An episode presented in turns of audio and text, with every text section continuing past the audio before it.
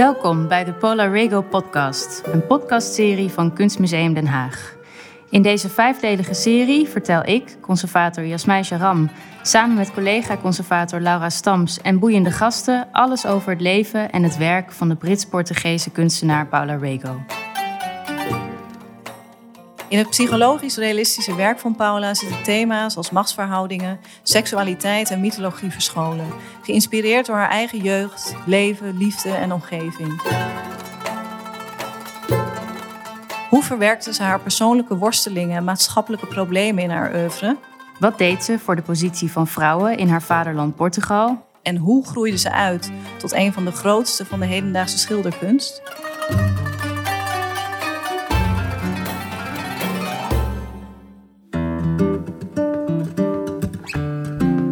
Na de twee iconische schilderijen Salazar Vomiting the Homeland en De Dans staat er in deze derde aflevering weer een veelbetekenend werk centraal, The Maids.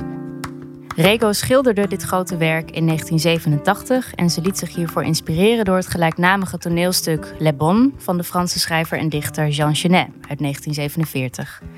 Genet baseerde zijn stuk op het waargebeurde verhaal van de zussen Christine en Lea, die in Parijs werken als dienstmeisjes bij een rijke familie.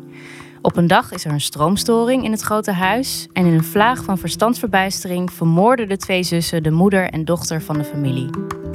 Rego raakt gefascineerd door de band tussen de twee zussen en de vrouwen die zij doden. En haar schilderij over de moord zit bomvol verwijzingen en symbolen, zichtbaar en onzichtbaar. Waar komt het zwarte zwijntje op de voorgrond vandaan? Waar heeft Rego het verhaal gesitueerd? En hoe beeldt ze de machtsverhoudingen tussen de personages uit? Tô cansada. E você também. Om dieper in het schilderij te duiken en vooral ook in het verhaal dat wordt afgebeeld, spreek ik met actrice Manja Topper en modeontwerper Bas Kosters. Manja en Bas zijn betrokken bij de voorstelling De Meiden, een stuk dat in 2021 in Nederland wordt opgevoerd door theatergezelschap Doodpaard. En De Meiden is een Nederlandse vertaling van Jeunesse Le Bon. Manja en Bas, fijn dat jullie zijn aangeschoven. Manja, zou jij jezelf willen voorstellen? Wie ben je en wat is jouw rol bij Doodpaard? Ik ben Manja Topper en ik uh, werk als uh, toneelmaker bij Doodpaard. Het is een collectief van toneelspelers. En uh, ja, wij, werken, wij maken voorstellingen en we doen heel verschillende dingen. Zoals nu doen we een stuk wat al geschreven is en wat we dan zelf vertaald hebben. Maar soms ontwikkelen we ook zelf stukken en ontwikkelen een stuk met een schrijver in samenwerking. En soms doen we hele oude stukken. Mm -hmm. Dus dat uh, we doen heel verschillende dingen. En al heel erg lang. En we hebben onszelf opgericht toen we van de toneelschool kwamen. Mm -hmm. Dus dat is uh, al heel lang geleden. En jij Bas, hoe ben jij als modeontwerper betrokken bij Doodpaard en bij deze voorstelling? Ik ben bij de voorstelling De Meiden van Doodpaard betrokken uh, geraakt omdat ik al eerder een keer kostuums heb ontworpen voor een voorstelling van Doodpaard met heel veel plezier. Dus ik vond het ook heel erg leuk om teruggevraagd te worden. En ja, mee te denken over hoe we het verhaal van de meiden zouden kunnen vormgeven.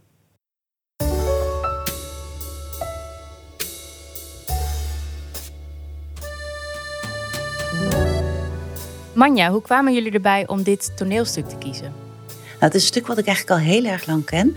En het is een stuk wat gaat over twee dienstmeiden die uh, voor een madame werken. En ze zijn heel erg gefascineerd door haar. En zo erg dat ze, zodra madame haar hielen ligt, dat ze uh, zich verkleden als haar. En dan spelen ze het spel na eigenlijk van de meid en de madame. En een belangrijk ding daarin is, is dus spel en ook kostuums. Dus ze verkleden zich met haar kleren en... Uh, en zo, zo vechten ze dan dingen uit. En eigenlijk proberen ze in dat spel om madame te vermoorden. En dat lukt eigenlijk bijna nooit. Tot op het eind. En dan lukt het op de ene meid de andere meid te vermoorden. En het gaat eigenlijk over als, dat je een soort van vrij kan zijn als je aan het toneelspelen bent. Dus in je fantasie kan je vrij zijn. Dus dat is eigenlijk hun drijfveer mm -hmm. om het zo te doen. Dus ze worden eigenlijk heel erg onderdrukt in die situatie waar ze zitten. En in hun fantasie zijn ze vrij. En Genet heeft dat ook geschreven toen hij in de gevangenis zat. Dus hij zat in een extreem onvrije situatie. En hij leerde die, dat verhaal kennen van die zusjes die dat echt hebben gedaan. En er wordt ook gezegd dat hij het eigenlijk schrijft voor zijn medegevangenen. Dus alsof die dat eigenlijk zouden moeten spelen. Dus dan zit je in een gevangenis en dan kun je dat rollenspel gaan spelen alsof je iemand anders bent. En in dat rollenspel probeer je ook steeds weer van rol te veranderen. En misschien probeer je dan zo grip te krijgen op wie je bent of wat je zou willen. Of een soort bevrijding zoekt. Mhm. Ja, dat is mooi om te horen, want dat is inderdaad hoe Paula Rego ook over haar werk denkt. Dus als een vrijplaats om eigenlijk allerlei soorten gevoelens en emoties en posities te verkennen waarin alles geoorloofd is. Ja, ja. Ja. En ehm, welke personages uit het oorspronkelijke toneelstuk zien we terug in jullie uitvoering? Nou, we zien eigenlijk drie figuren. Twee meiden, die ook zussen zijn. En madame. En het is grappig, want het stuk begint als ze gewoon vol in het spel zitten. Dus eigenlijk als toeschouwer heb je niet direct door dat je kijkt naar een meid. Naar twee meiden, maar je ziet eigenlijk een madame en een meid. Maar later in het stuk kom je erachter dat het gespeeld is. Want ze heeft zich ook verkleed, zeg maar, ehm, als, als madame. En halverwege het stuk, dus je hebt al heel veel geleerd over die madame en over die meiden. En halverwege komt het stuk, komt, het, komt die madame op en dan zie je pas hoe ze echt is. Want daarvoor zie je eigenlijk een interpretatie van die meiden. En het is grappig, want in de taal die uh, Genet heeft geschreven, is eigenlijk de taal van de meiden, als ze madame spelen, is veel harder. Veel gemener. Dus dat is uh, een heel interessante vertaling, vind ik. En bij ons is het zo dat we hebben gekozen om. Uh, het gaat natuurlijk over een meid, dus over de werksters en over de uh, pakjesbezorgers, uh, de ZZP'ers van onze samenleving. Mm. Eigenlijk zo hebben we dat een beetje zo vertaald. En wij hebben gekozen om Madame, dat een performer uit Brazilië, Rodrigo Batista, die speelt Madame. Dus dat is eigenlijk iemand die uit een ander land komt. Een land waar heel vaak meiden vandaan komen die hier in onze samenleving leven. Dus in die zin hebben we het omgedraaid. En zij, uh, hij, dat is natuurlijk wel een hij, uh, hij speelt dan madame als een travestie. En hij uh, heeft heel goed Nederlands geleerd, maar hij spreekt geen Nederlands. Dus het is Hmm. heel duidelijk ook nog weer de taal die, die hij zeg maar uh, niet helemaal beheerst. Of hij spreekt in een andere taal. En dat is ook een hele interessante omdraaiing in het stuk. Dus wij, de meiden, zijn Nederlands. Wij zijn heel vaardig in, dat taal, in die taal. En zij, of hij dan, de acteur, die, die, die vecht daarmee. Maar toch is hij zeg maar de meerdere. Dus dat is ook een soort van omdraaiing daarin.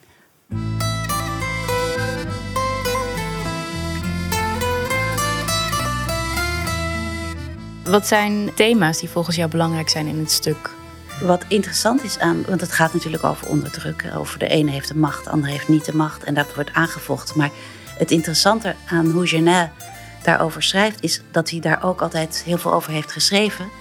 Alsof de onderdrukte eigenlijk de machtige is. Dus dat hele spel van wie manipuleert nou wie, daar gooit hij, dat, dat, dat gooit hij eigenlijk de hele tijd door elkaar. En dat wordt een soort van fluïde. Mm-hmm. En dat is heel interessant, want anders is het zeg maar de bevrijding van de onderdrukte meid.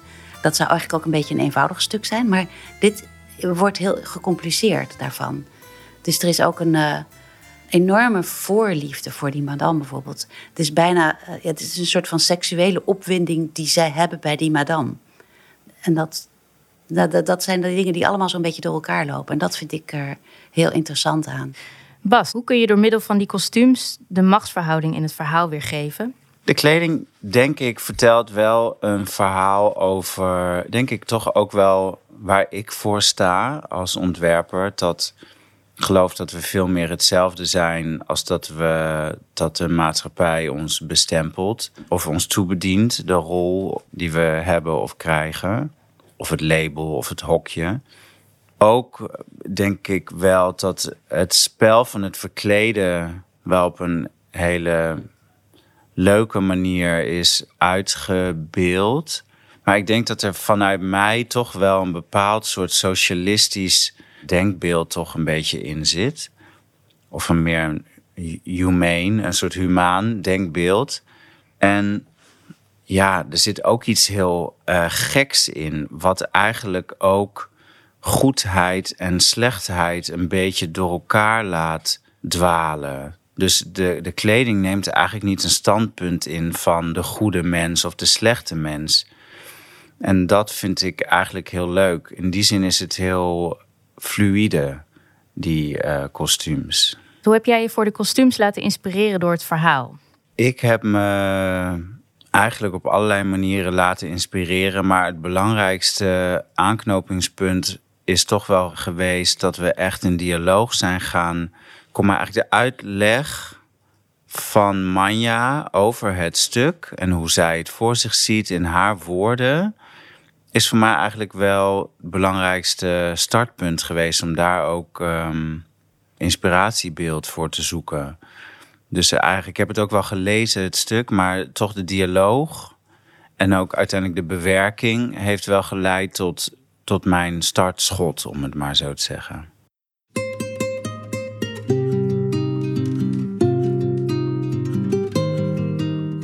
Welke kostuums dragen de twee zussen en wat voor kostuum draagt de madame? Nou, een van de belangrijkste uitgangspunten voor het ontwerpen van de kostuums was Barbara Cartland. Barbara Cartland is een society dame en auteur van romantische boeken. Maar zij leeft eigenlijk in haar eigen welvaartfantasie. Dus zij, zij kleedt zich altijd in het roze met parels en veren. En eigenlijk de waanzinnige ambitie om zo society te zijn was wel een van de belangrijkste ehm, triggers om dit ontwerppad in te gaan. Dan had ik me ook nog een beetje laten leiden door het spelelement van kleding. Dus een andere visuele referentie waren jaren tachtig uh, prinsessen Barbies. Maar ook bad behavior, dus slecht gedrag, onmenselijk gedrag, soort zwijnerij, hebzucht, vraatzucht, gevoel heeft ook een rol gespeeld. En uiteindelijk is dat allemaal samengekomen in één grote, roze, diffuse wereld. Waarin alles roze is en waarin de rollen van mensen ook eigenlijk in elkaar lopen. En we hebben zelfs gekozen om ook maar met één materiaal te werken. Dus alles is gemaakt van transparante roze zijde organza. Manja en Bas, kenden jullie Paula Rego al? Nee, we hebben, het, eh, we hebben haar, of tenminste, ik heb haar zo leren kennen.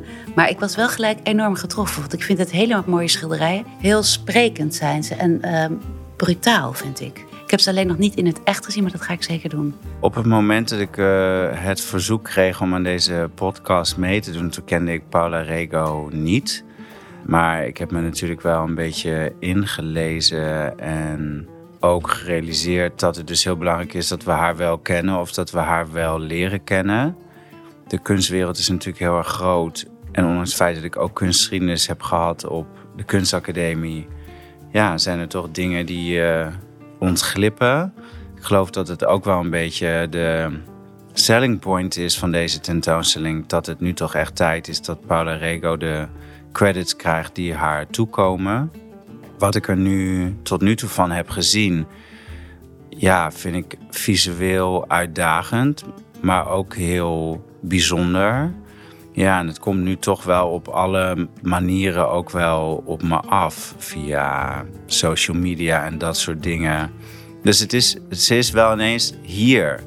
En dat vind ik heel eh, goed om te zien.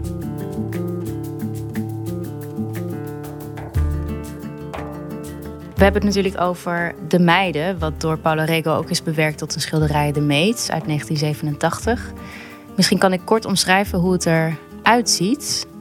Het is uh, eh, 213 bij 243, dus best flink. En dit is eigenlijk een van de eerste schilderijen waarin Paula experimenteert met composities met meerdere figuren erin. En wat je eigenlijk ziet is de twee meiden die zorgen voor de madame en haar dochter. Uh, maar je ziet ook dat er een soort spanning zit in het beeld, alsof er elk moment iets kan gaan gebeuren. Dus het achterste dienstmeisje die leunt eigenlijk op, op die dochter, alsof ze haar wil gaan wurgen misschien. Of misschien geeft ze haar een omhelzing, dat weet je eigenlijk niet. Het andere dienstmeisje, dat uh, door Rego als zwart meisje is afgebeeld, die is bezig met het haar van die madame. En je ziet eigenlijk allerlei elementen in het schilderij die op een soort onheil zouden kunnen duiden. Zoals schaduwen van boomtakken op de achtergrond, die uh, nou ja, een beetje doen denken aan wurgende handen misschien. Er is een raar zwijntje wat op de voorgrond in beeld komt, wat je vaak in Regels werk ziet, dat een dier een soort aankondiging van gevaar of van onheil voorstelt. En ik ben wel benieuwd hoe jij uh, naar dit schilderij kijkt, ook als je het vergelijkt met jullie uitvoering. Als ik naar het schilderij kijk, de Mates van Paula, dan valt me wel op eigenlijk ook dat er ook een varken in beeld is. En wij sluiten de voorstellingen af met een bodybag in de vorm van een varken. Dus eigenlijk is het wel lollig dat zij ook dat. Ja, het is eigenlijk bijna een wild zwijn zelfs, maar dat dat hier toch ook naar voren komt. Want in de kostuums die wij bedacht hebben, of eigenlijk die Bas bedacht heeft, daar is het varken ook heel erg belangrijk. Want onze kostuums zijn helemaal roze. Ze zijn allemaal van een soort van roze zijde gemaakt. En de madame heeft uh, een soort van accessoires of een soort van borstwerk in de vorm van een, van een varkenskopje. Dus ze heeft grote oren die zo langs haar mouwen vallen. En op haar borst zit er gewoon een varkenssnuit. Als ik naar die meiden kijk, die dragen wel typische meidenkostuums. Ook wel iets waar wij ook wel naar hebben gekeken. Ehm, maar de madame, die ziet er eigenlijk uit als een soort verveelde manager van een, van een soort middelmatig hotel in een net niet chic mantelpak. Dus dat vind ik best wel een eigenaardige vormgeving. En het is eigenlijk ook wel leuk dat dat hele dressoir hier. Uh, eigenlijk zit in dat schilderij ook wel een soort hint roze. Dus het is toch, nou ja, misschien wel heel duidelijk wat het verhaal ook oproept. Nou, het is grappig dat ze dus eigenlijk teruggaat naar het oorspronkelijke verhaal. Mhm. want daarom, want we zien de madame en we zien haar dochter dan waarschijnlijk. En in het, uh, de zusjes uh, Papin, waar het op gebaseerd heb, die hebben, die hebben die twee allebei heel gewelddadig om het leven gebracht.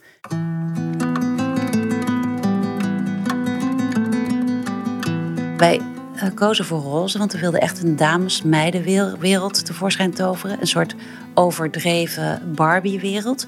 Maar we hebben ook veel vlees en, uh, ja, ja, vlees en vet en nog andere roze dingen verwerkt in ons, in het, in de doeken van het decor. We hebben eigenlijk die ruimte waar die meiden zich de hele tijd ophouden hebben we weergegeven door een soort zee aan transparant roze gordijnen met een print van dikke naakte vrouwen, stukken rauw vlees, eh, bloemen en dressoirs en parels en bokalen. Dus eigenlijk de sfeer die staat beschreven in, in het stuk van die ruimte. Dat, uh, dat zie je op het toneel terug in een, uh, in een transparante ja, zee van gordijnen met vrij extreme print daarop. We hebben ook een klein beetje toch de madame als een soort van varken gemaakt. Een soort ja. verwend Miss Piggy. Dat gebruik van die uh, symbolische elementen. Je ziet bijvoorbeeld ook een aronskelk hier liggen. Wat dan eigenlijk een soort symbool voor, voor zuiverheid is, vrouwelijke zuiverheid. En die zijn ook heel belangrijk. Hier een lelie, wat nou ja, zou kunnen verwijzen misschien naar het vrouwelijke geslacht. Dat soort dingen zitten er heel erg in. Ja, bloemen zijn ook heel belangrijk in het toneelstuk. Want het begint mm -hmm. eigenlijk ook met over, over die bloemen. En die, die, in het stuk zie je ook dat de, de vrouwen, of die meiden, die hebben ook heel veel bloemen in huis gehaald eigenlijk om madame te eren. En dat is eigenlijk, zij wordt eigenlijk een beetje vereerd als een soort van Maria. Dus uh, ook met allemaal bloemen. En dan zegt die madame ook van die dingen van... het zijn zoveel bloemen, het lijkt wel alsof het een begrafenis is.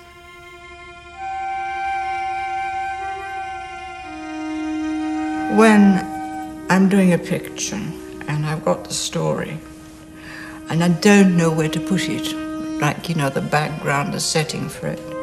I go back to a place I knew as a child, and I remember the room. I draw in the furniture and the room, and then put the story in there. Ja, het is ook een beetje een, uh, een Portugees aandoende kamer. Dat, dat doet Reco eigenlijk vaak als ze zich baseert op bestaande bronnen. Dus inderdaad bijvoorbeeld verhalen of toneelstukken. Dat ze het, het, het trekt naar haar eigen jeugdzetting vaak. Dus dat is vaak in Portugal. Je ziet vaak ook het strand bijvoorbeeld terugkomen van Estoril, waar ze is opgegroeid. En in dit geval uh, zou je ook kunnen zeggen dat er misschien verwijzingen in zitten naar dat dictatoriale regime waaronder ze is opgegroeid in Portugal.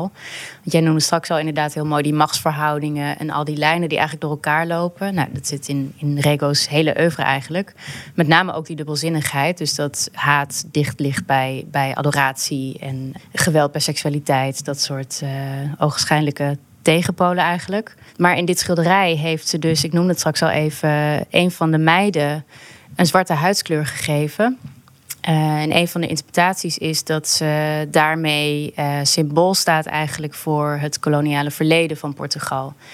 Uh, dus dat dit dienstmeisje wellicht staat voor de, de voormalige koloniën in Afrika die bevrijd zijn. Dus dat ze de macht overneemt eigenlijk. En dat die madame dan dus staat voor, voor de overheerser. En je zou het ook kunnen zien als um, dat de, de, madame en de dochter misschien staan voor het patriarchale systeem. Dus eigenlijk de macht van, uh, van de man in Portugal. Mhm. En dat de vrouwen nu eindelijk na het omverwerpen van het regime hun vrijheid hebben teruggekregen en op deze manier wraak nemen. En is dat ook een soort boodschap die jullie dan meegeven aan het publiek?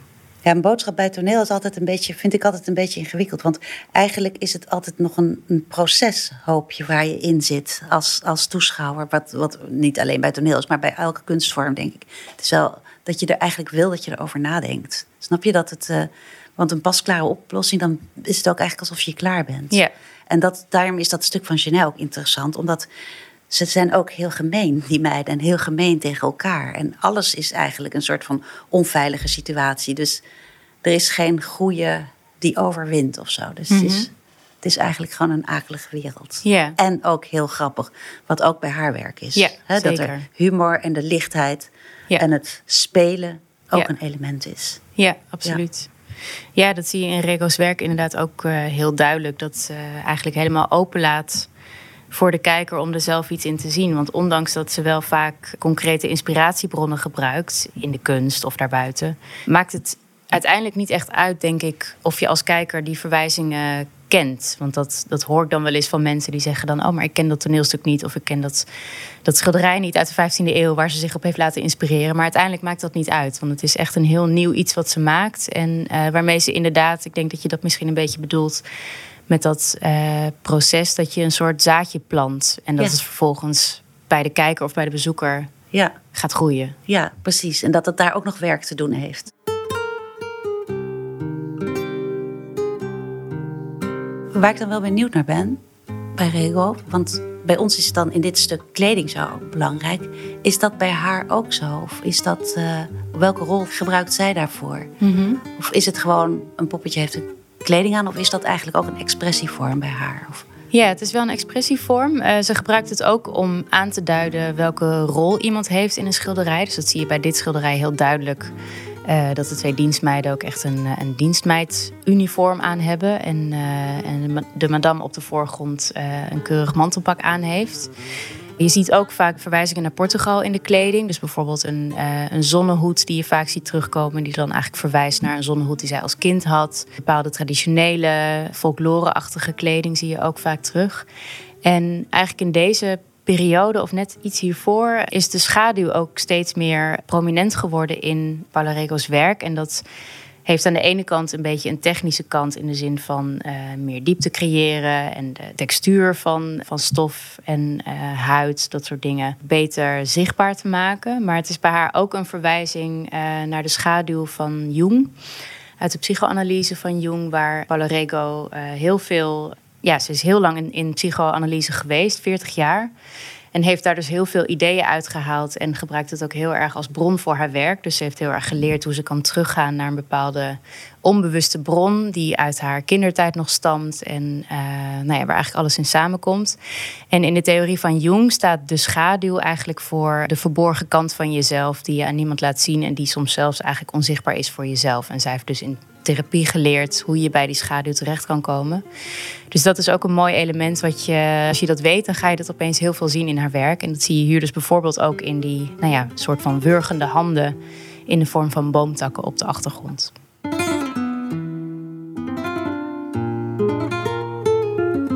Manja en Bas, heel veel dank voor jullie bijdrage. Uh, kunnen we de meiden nog gaan bekijken in het theater? Ja, zeker.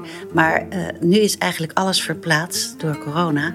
Maar uh, we gaan nieuwe data zoeken met de theaters. En via onze website is dat weer te vinden. Of via social media. Oké, okay. fingers crossed. Dankjewel.